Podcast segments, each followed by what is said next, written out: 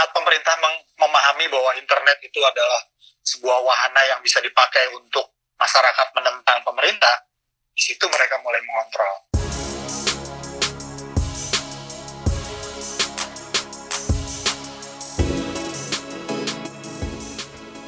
Halo, nama gue Vincent. Dan gue Amel. Lu lagi dengerin Postinor. Podcast ngomongin orang.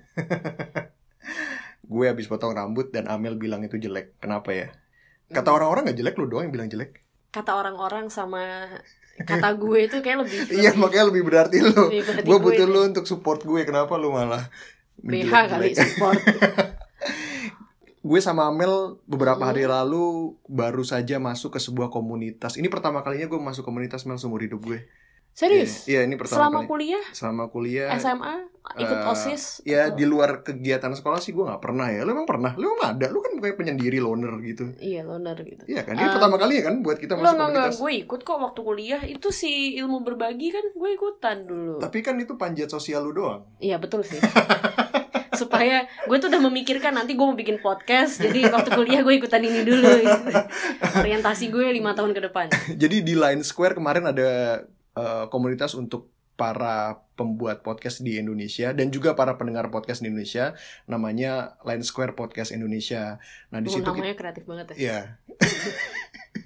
apa gue butuh pulpen kayak buat tulis itu nih jadi itu apa tadi nama podcastnya eh nama lain nama komunitasnya podcast Indonesia di situ Oke. bukan cuman para pembuat podcast juga tapi para pendengar juga yang kebetulan antusias dengan podcast podcast yang mungkin perasaan gue doang atau memang baru-baru ini banyak yang baru yang baru yang muncul ya Mel ya? lagi ngetren gak sih sebenarnya gue juga lihat beberapa eh, broadcast WhatsApp dari tetang dari grup sebelah lah atau Mhm. apa Mhm. kemarin itu kalau nggak salah ada salah satu app yang dipromosikan sama teman gue Mhm.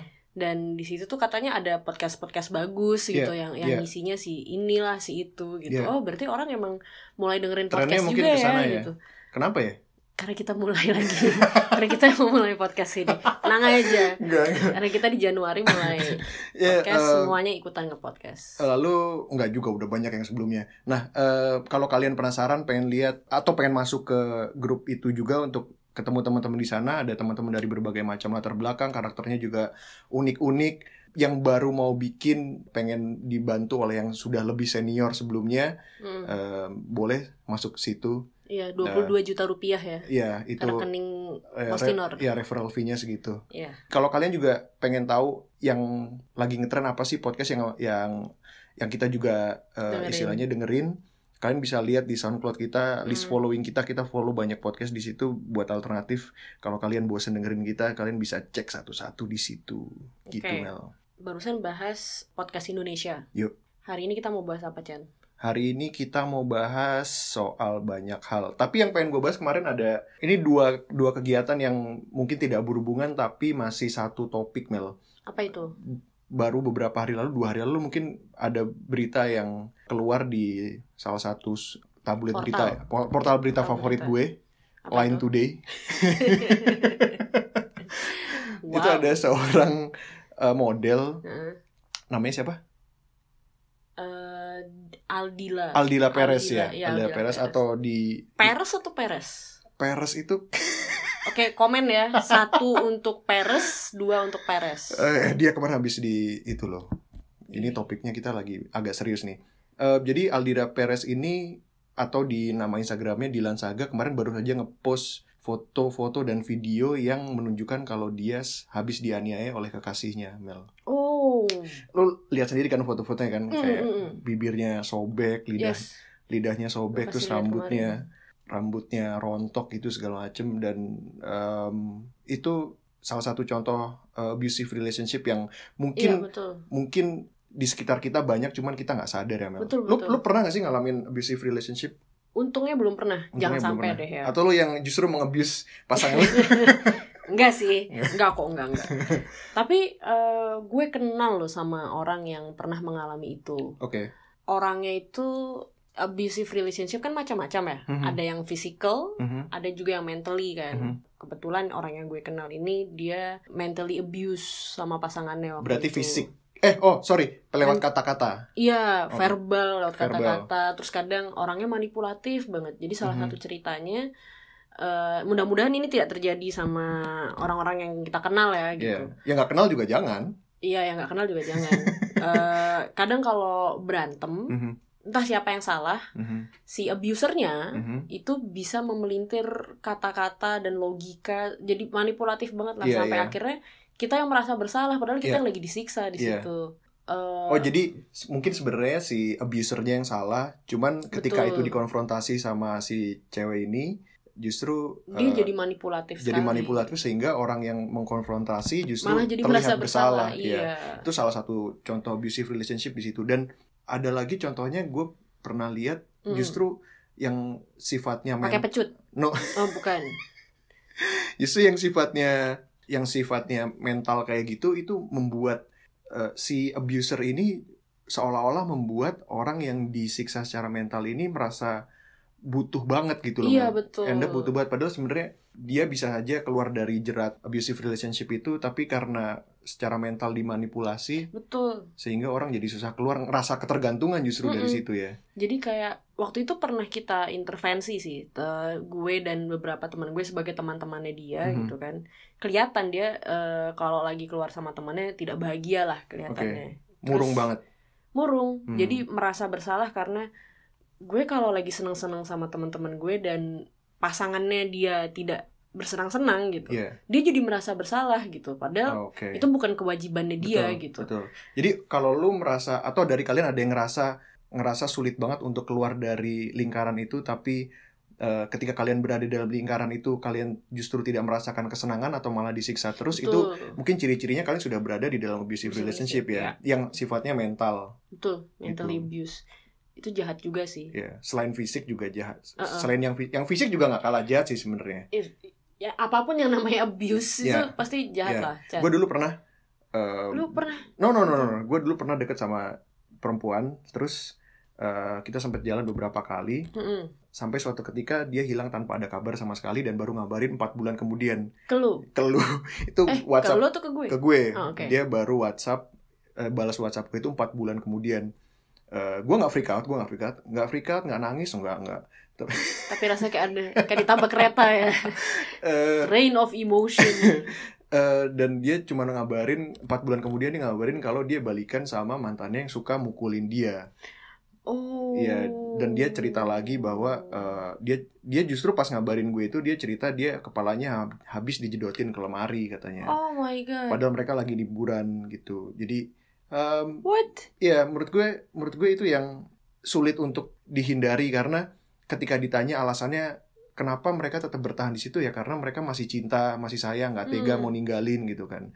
Dan eh, menurut gue justru yang seperti ini harus segera al- kalau kita punya teman yang mengalami hal seperti itu kita harus segera bantu sih Mel. iya betul Eh, mungkin terkesannya kita mengintervensi ya hidup iya. orang gitu tapi ya ya kalau peduli sama teman ya janganlah dibiarkan temannya seperti itu Iya. tapi kadang ya si abusernya juga Mhm. eh, begitu orang yang di abuse ini punya kekuatan untuk meninggalkan mereka Mhm. mendadak mereka berubah jadi baik sebaik-baiknya manusia sampai akhirnya relapse lagi jadi abuser lagi Oh, biasanya circle-nya begitu ini kayak orang kayak orang makan kepedesan tapi diulang lagi diulang gitu ya. lagi iya itu gue gak ngerti tuh kenapa Tapi ada juga bahkan beberapa yang mereka itu menyiksa pasangannya secara Mm-mm. mental maupun secara fisik. Terus ketika si pasangannya mengancam untuk pergi, justru mereka yang malah breakdown. Si abuser ini yang malah iya, yang malah pura-pura stres, pura-pura nangis gitu kan. Terus Iya, kayak iya, mau justru dia yang Mau bunuh diri. gitu kan.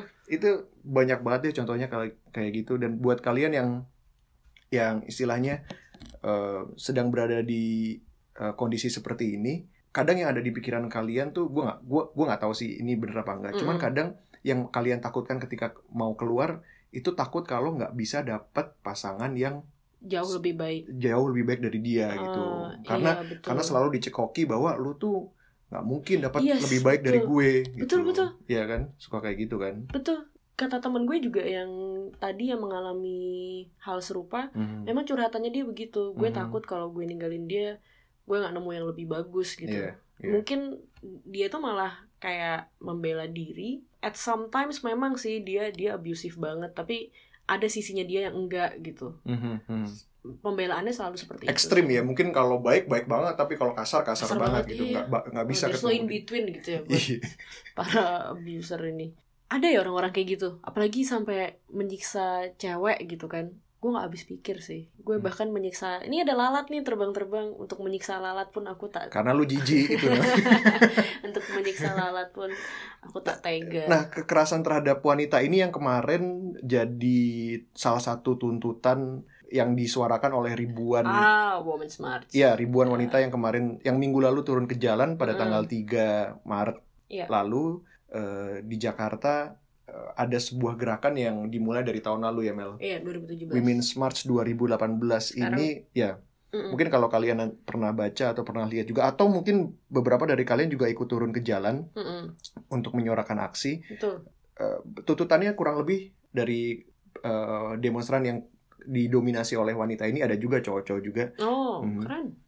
Tuntutannya salah satunya adalah supaya kekerasan terhadap wanita dan anak kecil ini segera ditanggulangi atau seg- Ah, atau pemerintah segera uh, Memberikan badan perlindungan yang lebih persis. responsif dan lain-lain. persis Oh. lalu uh, tentang persamaan hak Mm-mm. uh, supaya tidak bias gender Mm-mm. supaya wanita mendapat kesempatan untuk bekerja yang sama Mm-mm. Uh, terus isu-isu seperti LGBT juga disuarakan Diangkat, oleh mereka gitu Uh, satu hal yang menarik di sini Mel uh, kan gerakan ini dimulai dari Amerika Serikat ya Betul. ketika tahun lalu Iya. Women's March pertama di dunia itu dilakukan pasca Presiden Trump dilantik Iya, dilantik. Mhm. Oke. dan eh, di seluruh dunia nggak cuma di Indonesia itu pada mengcopy gerakan ini ya karena Mm-mm. perjuangannya mirip-mirip gitu cuman eh, satu hal yang gue gue sangat apresiasi ini dan gue sepakat dengan semua yang di Tuntut. dituntut oleh Tuntutkan, mereka ah. gitu karena it- itu semua harus terjadi ya nggak sih nggak ada yang nggak ada yang nggak ada yang salah dengan itu tapi gue ngelihat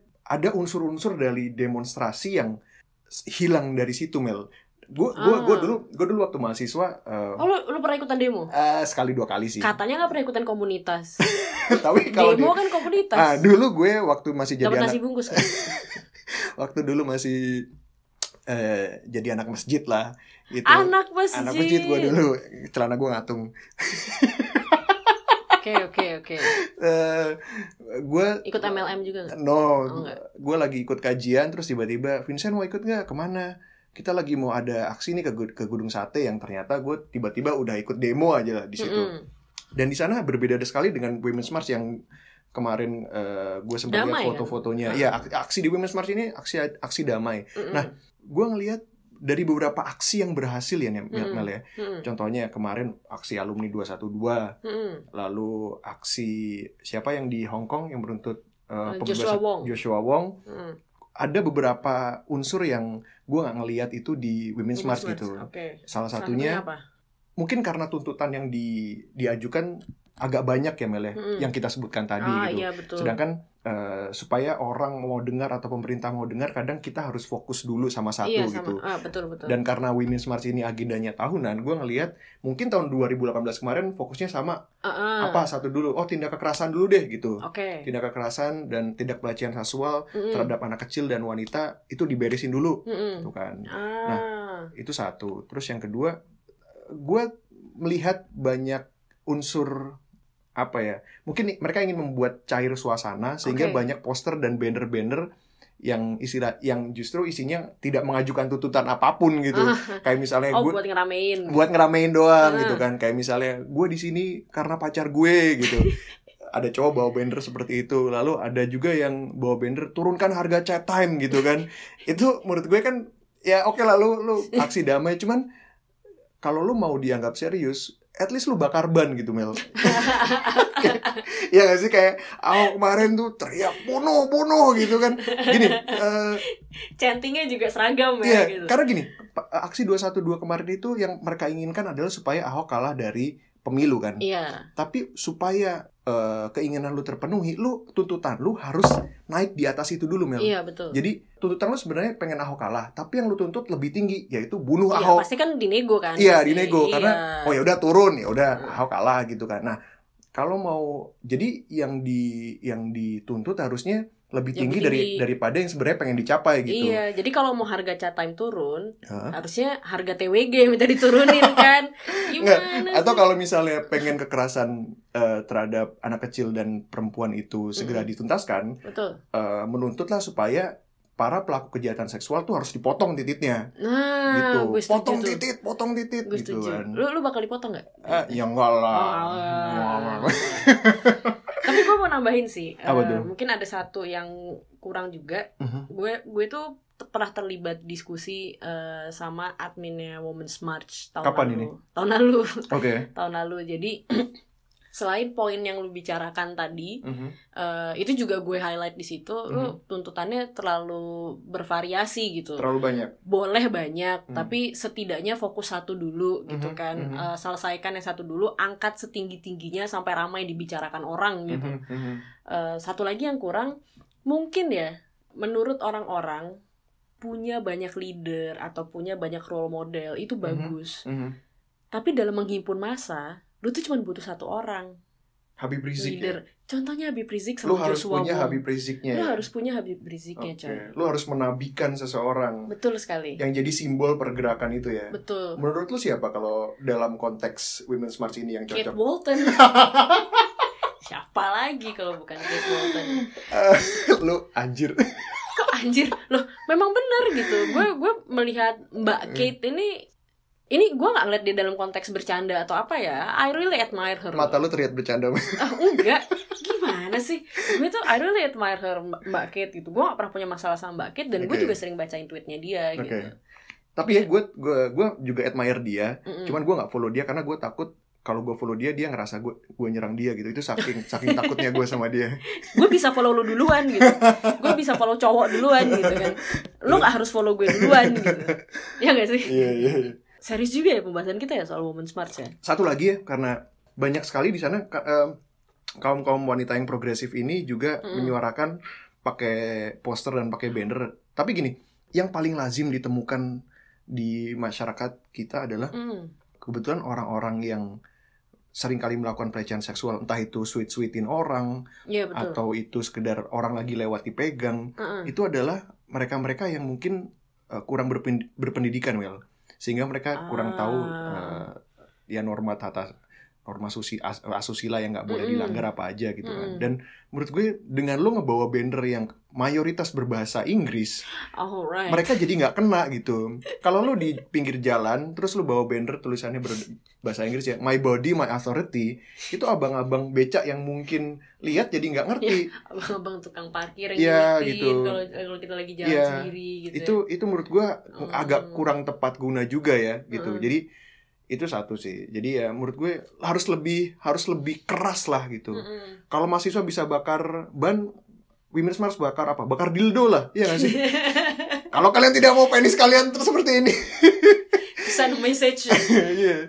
oh ya Jangan lecehkan kami gitu. oh tapi memang dominan berbahasa Inggris ya ternyata ya Iya, ya karena meniru. tapi gerakannya kan memang asalnya dari Amerika dong Betul betul. Tapi ya menurut gue harus di tailor made Hmm. sesuai dengan di sini sih.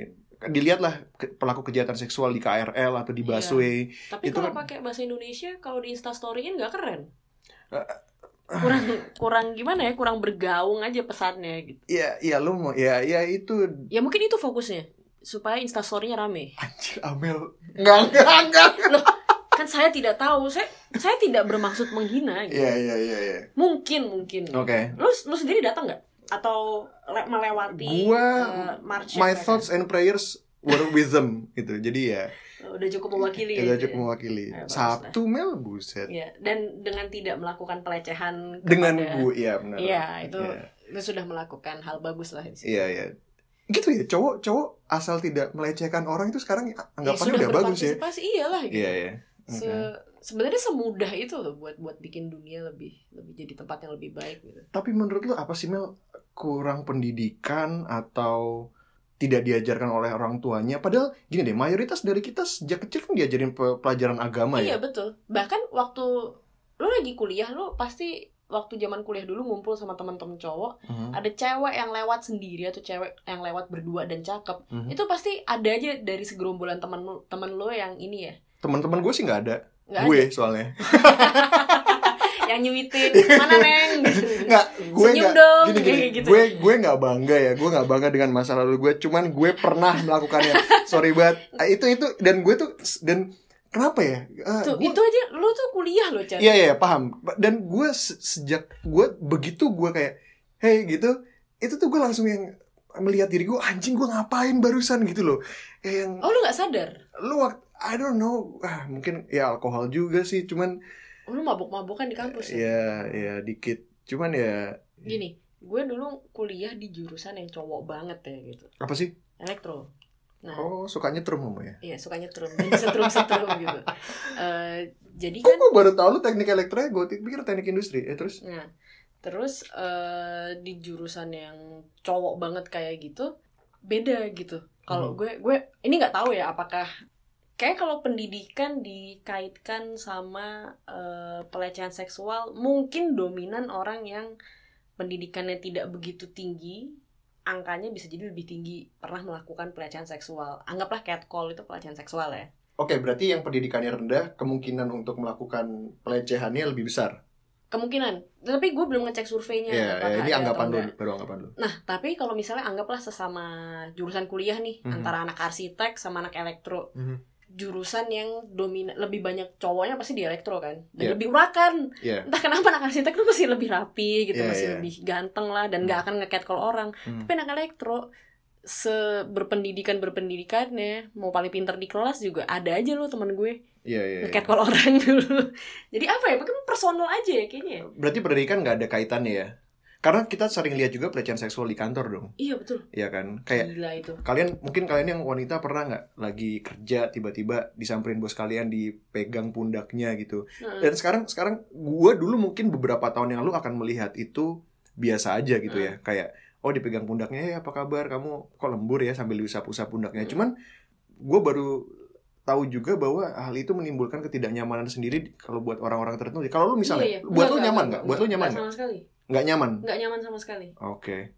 Iya kita kan nggak tahu ya ada orang yang mungkin fine fine aja gitu kayak Mhm. party animal gitu yang Mhm. kayak eh kok Ya kalau konteksnya gitu party di- beda lah Mel. Enggak bukan bukan maksudnya orang yang supel banget gitu yang peres peres Oh, gitu kan oke. kayak yang eh kamu kenapa kok belum lembur digituin Oh sama tapi tidak ada intensi seksual ya? iya Iya. mungkin dia merasa eh, oh ini nggak apa-apa gitu Mhm, Eh, ya physical touch itu berbeda buat beberapa orang kalau Iya. buat gue sih gue tidak nyaman sama sekali ya kalau Hmm. di digituin orang gitu. Oh ber- berarti eh, antara orang satu dan orang lain mungkin akan berbeda tanggapan lu ya? Iya. Kalau misalnya gue yang tepok bahu lu ya bener-bener Iya sih. Nggak masalah. Lu harus punya kadar kedekatan sendiri sampai lu bisa Betul, untuk tiba-tiba melakukan hal itu untuk lu bisa tiba-tiba datang dan megang pundak orang ya. exactly Iya. Itu yang terjadi sama atasan dan bawahan itu bisa mungkin atasan ngerasa dia bisa mendominasi ya. Bisa mendominasi eh, bawahannya gitu sehingga mereka dengan dengan leluasa ya udah kenapa emang itu kan cuma sentuhan doang gitu kan. Tapi Chan ya, lu kepikiran gak sih kenapa lelaki-lelaki itu melakukan hal itu kayak catcalling atau mereka tuh berharap apa sih? Karena mereka mungkin berpikir mereka punya kesempatan ya. Kalau mereka Kesempatan catcalling kayak misalnya, "Hey cewek" gitu, terus tiba-tiba ceweknya mau balik lagi ke mereka terus eh, kayak, "Oh ya Mas mau apa?" gitu. itu kayaknya jangan-jangan di drive Mhm. oleh referensi mereka dari ini berangkat dari film-film bokep kali ya. Maksud gue kan Iya iya iya. Eh, ada tuh itu kan digambarin film bokep itu digambarin kayak gini production value-nya nggak begitu bagus kan lighting buruk atau apa tapi kan ide ceritanya kayak nggak masuk akal gitu loh lu lagi Iya. nyetir lihat cewek lu naikin alis buka Iya. kacamata lu itu cewek mau gitu Iya, langsung iya. satu mobil sama Iya. lu gitu Mungkin buat buat cowok beberapa laki-laki itu terlihat sangat realistis gitu ya. Oh ini bisa ter, ini bisa terjadi di dunia nyata nih gitu.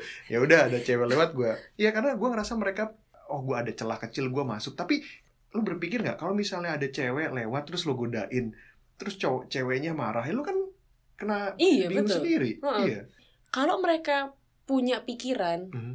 ah kalau misalnya gue sweetin ini cewek ini cewek bakal marah Mhm. mereka nggak akan nggak akan nge-sweetin cewek justru mereka mulai sweet sweetin cewek catcalling cewek itu karena mereka berpikir cewek nggak akan marah gitu Oh iya, karena dia mereka berpikir oh ya udah paling mereka lewat aja gitu kan. iya gitu atau Iya. enggak ya bagus-bagus kalau bisa gue bungkus Iya. itu kan Itu nggak habis pikir sih. itu ekspektasinya lumayan ini ya lumayan lumayan tinggi ya tidak masuk akal ini sama kayak ekspektasi eh, wanita-wanita yang ap- terkait romance Mhm. jadi jauh lebih tidak masuk akal karena nontonin drama Korea gitu Iya, iya.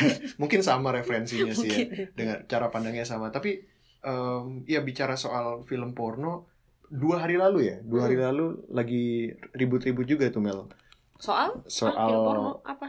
ke Kementerian eh, Komunikasi dan Oh, Informasi Kominfo. Kominfo ya Oh, blokir blokir Tumblr. ya Hmm. tiba-tiba saja dua hari lalu Kemkominfo itu ngeblokir sebuah situs yang ya user generated content Iya. sama kayak blogging, blogging ya, platform ma- lah. ya microblogging part eh micro nggak sih Micro tuh Twitter. oh Itu micro blogging Twitter ya itu blogging platform Em, Tumblr Iya. ya karena Sedih di di ditengarai banyak sekali konten-konten pornografi Iya, eh, yang katanya sih ada yang ini mengajukan komplain. ah ya Heeh. salah satu alasan kenapa kok Kemkominfo segera Memblokir men- itu. memblokir Tumblr karena katanya ada yang eh, Banyak komplain konten porno. Heeh. banyak yang komplain karena di situ banyak menyajikan konten-konten Ya. porno yang mana justru konten-konten porno ini adalah disajikan oleh para penggunanya sendiri ya produser Iya, istilahnya produser kan Betul. di bukan consumer jadi eh sorry bukan dari si Tumblr-nya Iya, sendiri bukan, bukan. sama kayak Nangek deh berarti ya user Iya, generated content ya betul.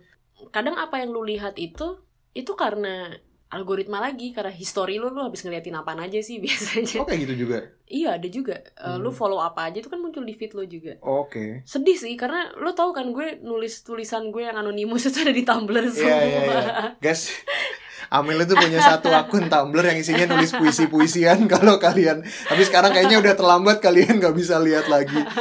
Dan reaksi para eh, khususnya para konten kreator ya, para Oh, itu pengguna mereka yang Iya, paling dirugikan para pengguna. Tumblr marah sekali sama Iya, pemerintah jelas. karena tiba-tiba Mm-mm. di blok gitu dan mereka ber- mereka em, bilang bahwa banyak sekali konten-konten positif yang sebenarnya bisa dilihat di situ. Betul. Kenapa Kom Kemkominfo hanya fokus sama yang negatif aja Iya. gitu dan mereka bilang oh konten pornonya nggak sebanyak uh, Betul. konten yang non porno kok gitu itu tuh Betul. istilahnya kayak kalian ngebakar satu lumbung hanya karena pengen ngebunuh satu tikus, gitu Heeh. tapi setelah gue coba cari tahu ya Mm-mm. artikel-artikel mengenai gue sendiri nggak punya account Tumblr jadi gue penasaran bener nggak sih Mm-mm. keputusan Kemkominfo ini untuk ngeblok Tumblr. Terus gue cari-cari, gue googling-googling, terus gue dapat satu artikel yang nyebut kenapa di Tumblr itu banyak sekali konten porno. Nah, Oh, di situ dia menyajikan data, ada satu data uh, web anal- analisis dari Oh, similar web. similar iya, web. Iya. Gue pakai itu juga. Dia bilang bahwa 20% dari klik yang masuk ke Tumblr itu di itu didirect diarahkan langsung ke konten-konten yang sifatnya NSFW Not safe for work, atau adult Oh. content gitu. 20% Mel 20%. dari semua klik yang da- yang masuk langsung ke Tumblr Itu nomor satu. itu nomor satu di direct ke konten-konten yang eh, NSFW tadi dan Lalu, yang paling mengejutkan adalah yang nomor dua Heeh. yang nomor dua itu yang paling dicari adalah yang temanya books and literature oh itu berapa? Berapa persen? hanya 7% itu itu membuat gue berpikir lagi kayak wait sebentar jangan-jangan keputusan pemerintah itu tepat gitu karena karena ya kita nggak bisa pungkiri bahwa pemerintah emang berniat untuk memblokir semua konten-konten yang sifatnya pornografi Iya gitu kan betul. Dan- Setelah tahu datanya. setelah gue lihat datanya dan gue langsung oh kok gini ya terus gue cari-cari coba cari-cari tahu lagi dan Tumblr emang dari dulu terkenal sebagai konten-konten yang sangat lunak terhadap eh sorry Tumblr Oh. merupakan satu website yang sangat lunak terhadap konten-konten konten-konten pornografi Oh. jadi kayak mereka seolah-olah membiarkan itu aja ada si safe mode-nya lu bisa lu bisa Iya, uh, surfing di situ pakai safe mode tapi ya segampang itu juga untuk lu uh, menemukan konten tinggal di juga. off-in Iya, aja betul. gitu. Oh, Dan yang paling- away ya. Ya, dan yang paling lucu adalah salah satu kebijakan dari Apple sendiri untuk para eh, untuk apps-nya yang bisa diinstal di situ. Mhm. Kebijakan Apple adalah seperti ini. Apple tidak mengizinkan apps yang eh, Mengandung muatan mengandung pornografi. muatan pornografi kecuali itu user generated content Oh. gitu. Dan Tumblr berada di posisi itu gitu. Lalu eh oh ini masuk masuk censorship ya? Masuk censorship. Bukan ini, bukan lo sadar gak sih sekarang?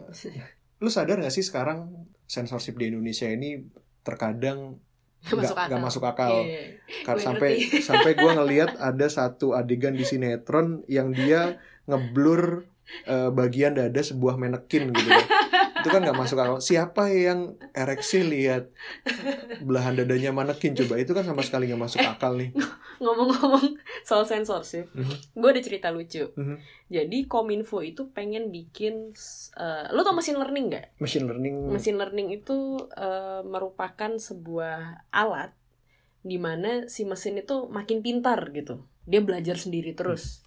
Tapi sebelum machine learningnya jadi eh, harus ada orang yang mengumpulkan data-datanya jadi kominfo itu ingin membuat suatu machine learning supaya otomatis bisa ngeblok gambar-gambar kemaluan gambar-gambar yang apa gambar-gambar Bagian tubuh. sensitif bagian Iya. tubuh yang sensitif gitu Hmm. jadi dengan harapan bisa mengurangi konten-konten pornografi gitu kan lewat censorship seperti ini tapi lu harus lu harus tahu tadi gue bilang machine learning itu nanti mesinnya akan belajar sendiri Mhm. cuman sebelum mesinnya bisa belajar harus ada satu manusia yang bukain internet nge-search gambar titit dan lain-lain untuk disuapin dan dipelajarin oleh si mesin supaya si mesin ini tahu bentuk titit itu kayak gimana dari tiap angle warna dan lain-lain. Panjang ukuran berambut atau enggak? Itu dia. Eh itu apply ke mana kalau mau jadi kerja di situ? Itu kayak tuh. kerjaannya menyenangkan tuh. Bagus kalau lu kebagian badan cewek. Iya sih. kebagian yang cowok. Apa nggak enak ya? Lu makan siang. Gue minder kalau apa nggak makan Hmm. siang males makan Nah, hotdog Mel, gitu. kita punya satu temen yang bisa kita ajak ngobrol soal censorship terutama di internet karena beliau ini sudah eh, apa istilahnya? Sudah Oh, menga- ketua sudah- KPI No, no, Oh, no, bukan. sudah makan asam garam lah. Mungkin dia Oh. salah satu orang pertama di Indonesia yang terpapar oleh internet, Mel. Dia lin- lintas tiga generasi dia, hidupnya hidupnya oke dan eh, dia mungkin punya eh, cerita-cerita gimana sih censorship dari zaman dulu sampai sekarang khususnya di internet. oke Kita coba telepon aja ya teman kita. Namanya Ari Setio. Mungkin kalian udah Wah. pernah- dewanya ilmu pengetahuan tuh Om Ari. Halo Ari. Halo, Vincent. Hai Om Ari Halo, Amel. Apa kabar? Apa kabar? baik kita di sini Jam berapa di Perth Ari? Sekarang udah jam 10 malam. Oh, udah jam Waduh, 10 udah jam Maaf ya 10. ganggu waktu tidurnya. Ri, Alah, santai. Gue baru nyampe nih juga. Ri, eh, kita barusan lagi bahas lagi bahas censorship. Ya, kebetulan lagi rame kan di Indonesia. Censorship. Ya. Oke. Kebetulan lagi rame di Indonesia karena eh, beberapa hari lalu Kemkominfo memutuskan untuk ngeblok Tumblr ya. Dan lo adalah salah Ya, ya. satu orang yang eh, dari nggak banyak dari orang yang gua kenal yang sudah terpapar oleh internet mungkin dari sejak lama ya. Dari dari tahun berapa tuh, Mbak? 90-an ya. Dan mungkin lu bisa cerita sedikit Ri, apa sih perbedaan perilaku pemerintah terhadap censorship khususnya di internet dari kalau dari dibandingin zaman dulu kalau dibandingin sekarang Ri? Censorship ya? Iya. Ya, gue pertama kali terpapar internet itu berarti tahun 97 kalau nggak salah. Hmm. Buset. Iya, 97. Amel baru 2 tahun itu. 97, gue masih inget tuh waktu itu masih browser tuh masih pakai Netscape. Netscape Hmm. Navigator. Apa namanya search engine yang kita pakai masih Alta Vista sama Yahoo. Oke. Google tuh belum ada, Google belum ada. Oke. Kalau gue bilang malah dulu tuh sama sekali nggak ada censorship. Ya, masalahnya ya yang mau disensor juga apa? Istilahnya konten internet itu nggak sebanyak sekarang. Mhm. Sampai kayak istilahnya kayak dulu kan orang kalau pakai search engine tuh makanya Yahoo kan. Mhm. Itu sampai di Yahoo tuh ada kayak listing. Jadi semua website yang ada di internet tuh sama dia bikin, ya, bikin listingnya kategori ini. Nanti kita klik dimuncul list website di situ. Jadi kayak ya lu nggak perlu search lu tinggal klik aja lu cari kategori apa misalnya olahraga. Hmm. Wih, dia dia listing semua website yang ada di internet saat itu. Ya mungkin yang populer ya yang terlalu populer ya mungkin nggak ada gitu. Tapi itu saking konten internet itu belum sebanyak sekarang. Jadi ya bisa dibilang ya kalau mau disensor juga apa gitu yang disensor nggak ada yang bisa Hmm. disensor dan ya nggak kayak zaman sekarang kan semua orang bisa membuat konten internet gitu kalau zaman dulu ya memang yang membuat konten internet itu ya cuman uh, wartawan atau misalnya kayak kantor berita yang punya website seperti itu. Jadi ya kontennya tuh ya masih konten yang bisa dipertanggungjawabkan lah gitu. Kalau sekarang kan everyone can create their own content gitu. Jadi ya censorship di mana-mana. Eh, lu ngerasa gak sih dulu mungkin kita belum ada regulasinya dan mungkin pemerintah juga selalu bergerak lebih lambat daripada teknologi ya. Tapi uh, lu ngerasa sejak kapan sih uh, pemerintah Indonesia mulai getol untuk melakukan censorship terutama terhadap konten-konten yang ada di internet, Ri? Kalau gue lihat sih saat pemerintah mulai ngerasa bahwa suara di internet itu pengaruh ke opinion masyarakat di dunia nyata. Saat mereka menyadari bahwa oke okay, suara-suara di inter suara-suara di internet nih berpengaruh ke ya kurang lebih seperti itu jadi intinya kalau di internet uh, muncul uh, ide-ide atau pemikiran tertentu yang kayaknya pemerintah nggak bakal suka mulai dari situlah pemerintah mulai sadar oh kayaknya ini internet harus mulai di diatur nih harus mulai nggak bisa dibiarkan begitu saja kayak gitu lah itu periode tahun berapa tuh? Dan gue rasa itu kayaknya sih pertengahan 2000-an kali ya, pertengahan 2000-an. Waktu Gus Dur presiden uh, bukan? Ya, pasca Gus SBY lah. Oh SBY, oke. Okay. Zaman SBY kalau. Soalnya masa uh, kalau gue lihat ya bersamaan dengan meledaknya sosial media. Hmm. Pertengahan 2000 itu kan blog baru mulai rame ya. Yeah. 2003 kalau nggak salah blog tuh mulai pertama muncul. Dan sejak saat itu kan everyone can apa speak their mind gitu istilahnya. Gua mau nulis yang anti pemerintah kayak gimana pun ya, gua nulis di blog gua gitu kan. Kalau sebelumnya kan orang harus memang publish nulis di tempat tertentu bahwa baru tulisannya bisa dibaca. Oh, yeah. Dengan mulainya era blog, lalu pertengahan 2004 muncul sosial media, 2007 Facebook meledak, baru istilahnya udah jadi internet itu benar-benar ke terdemokrasi, jadi sarana demokrasi yang seutuhnya gitu lah istilahnya. Yeah. Semua orang bisa menyuarakan pendapatnya. Oh jadi lu ngelihatnya sensorship ini yang dilakukan oleh pemerintah bukan hanya sebagai kontrol moral, tapi juga untuk mengendalikan opini ya Ria. Lebih ke situ jadi. Oh iya, awalnya ya. justru itu. Awalnya justru itu, bukan awalnya kontrol justru, moral. Bukan bukan karena nah, konten nah, pornografi ya. Nah, oke. Okay. Nah, kalau gue lihat awalnya pemerintah itu yang mengontrol internet alasan politik. Sampai Masih. sekarang juga kayak kalau misalnya kita lihat kayak di Cina yang mereka nggak oh. apa istilahnya Google nggak bisa masuk, itu kan mereka hanya punya search engine mereka sendiri yang yeah. kontennya ya udah diatur sama pemerintah Cina. I see. Jadi ya memang internet itu ya sarana ya saat pemerintah memahami bahwa internet itu adalah sebuah wahana yang bisa dipakai untuk masyarakat menentang pemerintah, di situ mereka mulai mengontrol.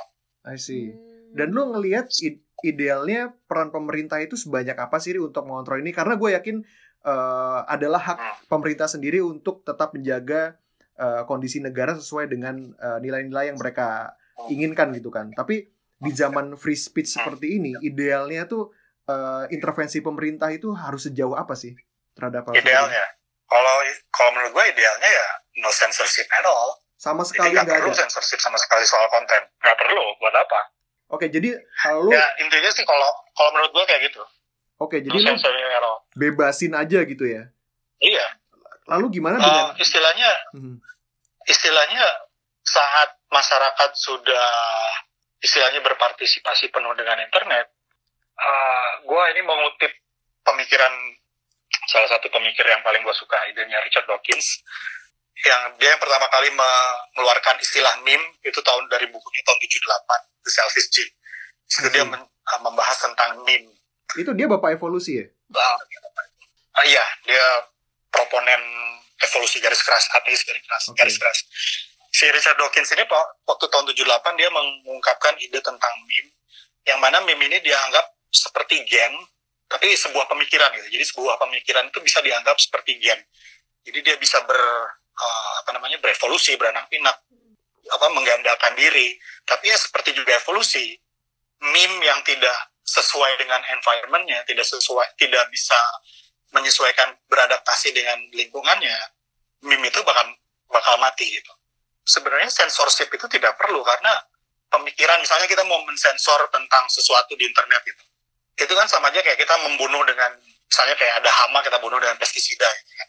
Yeah. Jadi control annihilation of a species gitu. Nah, tapi kalau misalnya kita biarkan pada suatu saat nanti ya pemikiran itu akan beradaptasi dengan lingkungannya. Kalau lingkungannya menolak meme itu, ya dia hmm. akan mati sendiri gitu. Misalnya dia nggak akan cocok dengan ada, uh, misalnya di, misalnya meme pemikiran sesuatu di Indonesia nggak cocok ya dia akan die down sendiri gitu.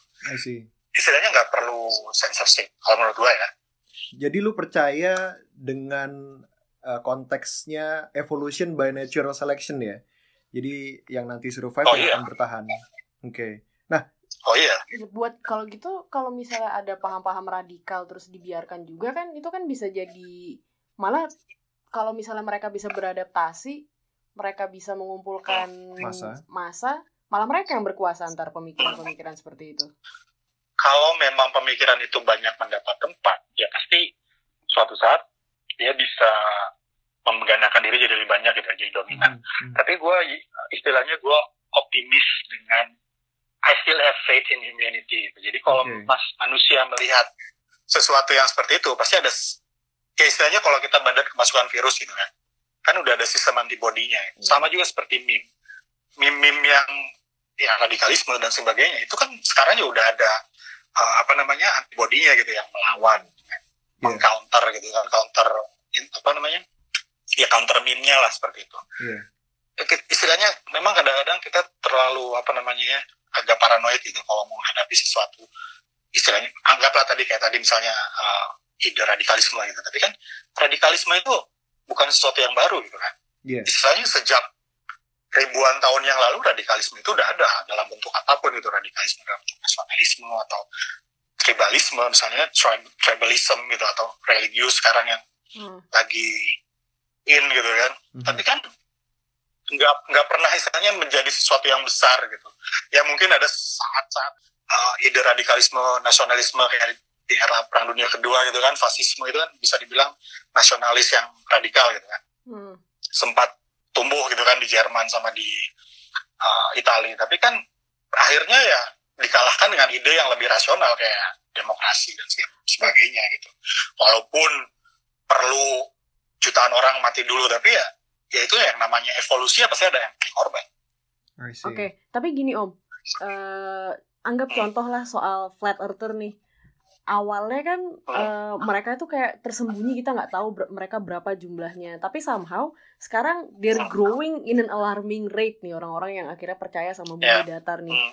Kalau misalnya di di internet juga nggak ada polisi yang buat ngatur censorship, buat buat ngatur lu Hmm. boleh ngepost ini yang ini nggak boleh ngepost ini mereka aja udah jadi bukti gitu kalau eh, sekarang mereka tetap tetap menambah anggotanya Dan itu gua rasa itu membahayakan buat Iya, pembelajaran gitu. kita sih, Ri. oh iya Iya. setuju setuju banget gua rasa memang yang gua lihat bahaya dari paham bumi datar tuh bukan paham bumi datarnya yang berbahaya tapi pola pikir mereka yang mengatakan bahwa sains itu cuman omong kosong belaka gitu itu yang berbahaya kan Mm-mm. kalau misalnya sampai anak-anak terpapar bahwa ide oh sains itu cuma ngomong kosong itu kan jadi bahaya apalagi kayak di Indonesia yang istilahnya masih ketinggalan dalam segi sains dan teknologi seperti itu. Iya. Cuman yang gue lihat, just gue sempat kan berapa minggu tuh berkutat di dalam lingkungan mereka. Justru saat mereka mendapat serangan yang bisa dibilang resmi gitu ya kayak oh, kayak waktu itu oh, kepala badan meteorologi gitu atau apa Mm-mm. gitu gue lupa yang langsung menyerang mereka gitu kan itu semacam mereka kayak mendapat validasi akan posisi mereka gitu Lihat tuh. Hmm. mereka bilang gitu ya lihat tuh sampai ketua badan meteorologi negara harus membuat klarifikasi Oh. akan pernyataan kita jadi mereka ya semacam mendapat validasi bahwa apa yang mereka pikirkan itu serius gitu Iya. kita kita bukan sesuatu yang main-main nih. Iya. lihat orang tuh sampai peduli gitu. Jadi Iya. mereka mengembangkan sistem antibodi mereka sendiri gitu. Jadi semakin mereka diserang semakin orang kita nggak akan bisa maksain orang untuk percaya apa yang kita percaya gitu. Maksudnya semakin kita memberi mereka fakta semakin mereka akan teguh dengan pendiriannya. Iya. jadi semakin kita ngasih fakta ke orang-orang flat earther itu semakin mereka teguh bahwa yuk kan benar lihat orang-orang ini berusaha menjatuhkan kita. Berarti we're standing up for something. Itu yang mereka pikir gitu Iya. jadi kalau misalnya udah biarin aja usah dipikirin lama-lama bakal die down soalnya gue tahu di dalam kelompok mereka juga banyak yang ragu-ragu bener nggak sih bener nggak sih gitu kan Iya. tapi dengan adanya serangan-serangan itu mereka tuh lihat tuh bener kan bener kan Iya. kata kita Iya. lihat tuh mereka ya, itulah. Dan kalau apalagi kalau nantinya paham-paham seperti mereka ini diintervensi langsung oleh pemerintah secara resmi ya, justru itu akan membuat mereka Iya. semakin radikal Iya, ya.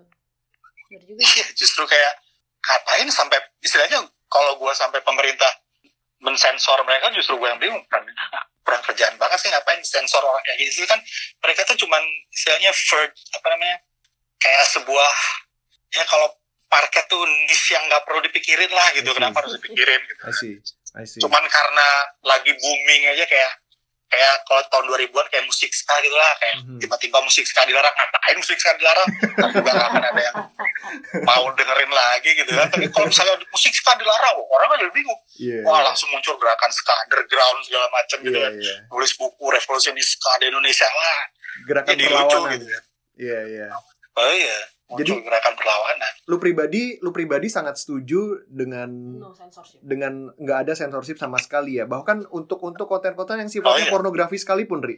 Yang perlu iya Oke. itu kan termasuk apa pun konten di internet gua nggak Oke. perlu censorship kayak segala sesuatu disensor kayak lu melarang anak lu yang masih kecil segala sesuatu dilarang gitu kan nggak Mhm. main nggak boleh pas gedenya dia nggak punya sistem antibody begitu dia terpapar dengan hal-hal tersebut dia langsung nggak punya defense kayak misalnya dari kecil dia nggak tahu tentang misalnya nggak diajarin tentang apa sih yang disebut dengan sexual intercourse misalnya pada saat dia terpapar hal itu saat remaja dia sama sekali nggak tahu kan Iya, iya. dan dia akan nyari informasi yang dia bisa dapat dan belum tentu informasi yang dia dapat itu yang benar gitu. Tapi kalau dari kecil dia sudah dikasih tahu gitu, Iya. ya nggak apa-apa. Ya sama seperti konten lah.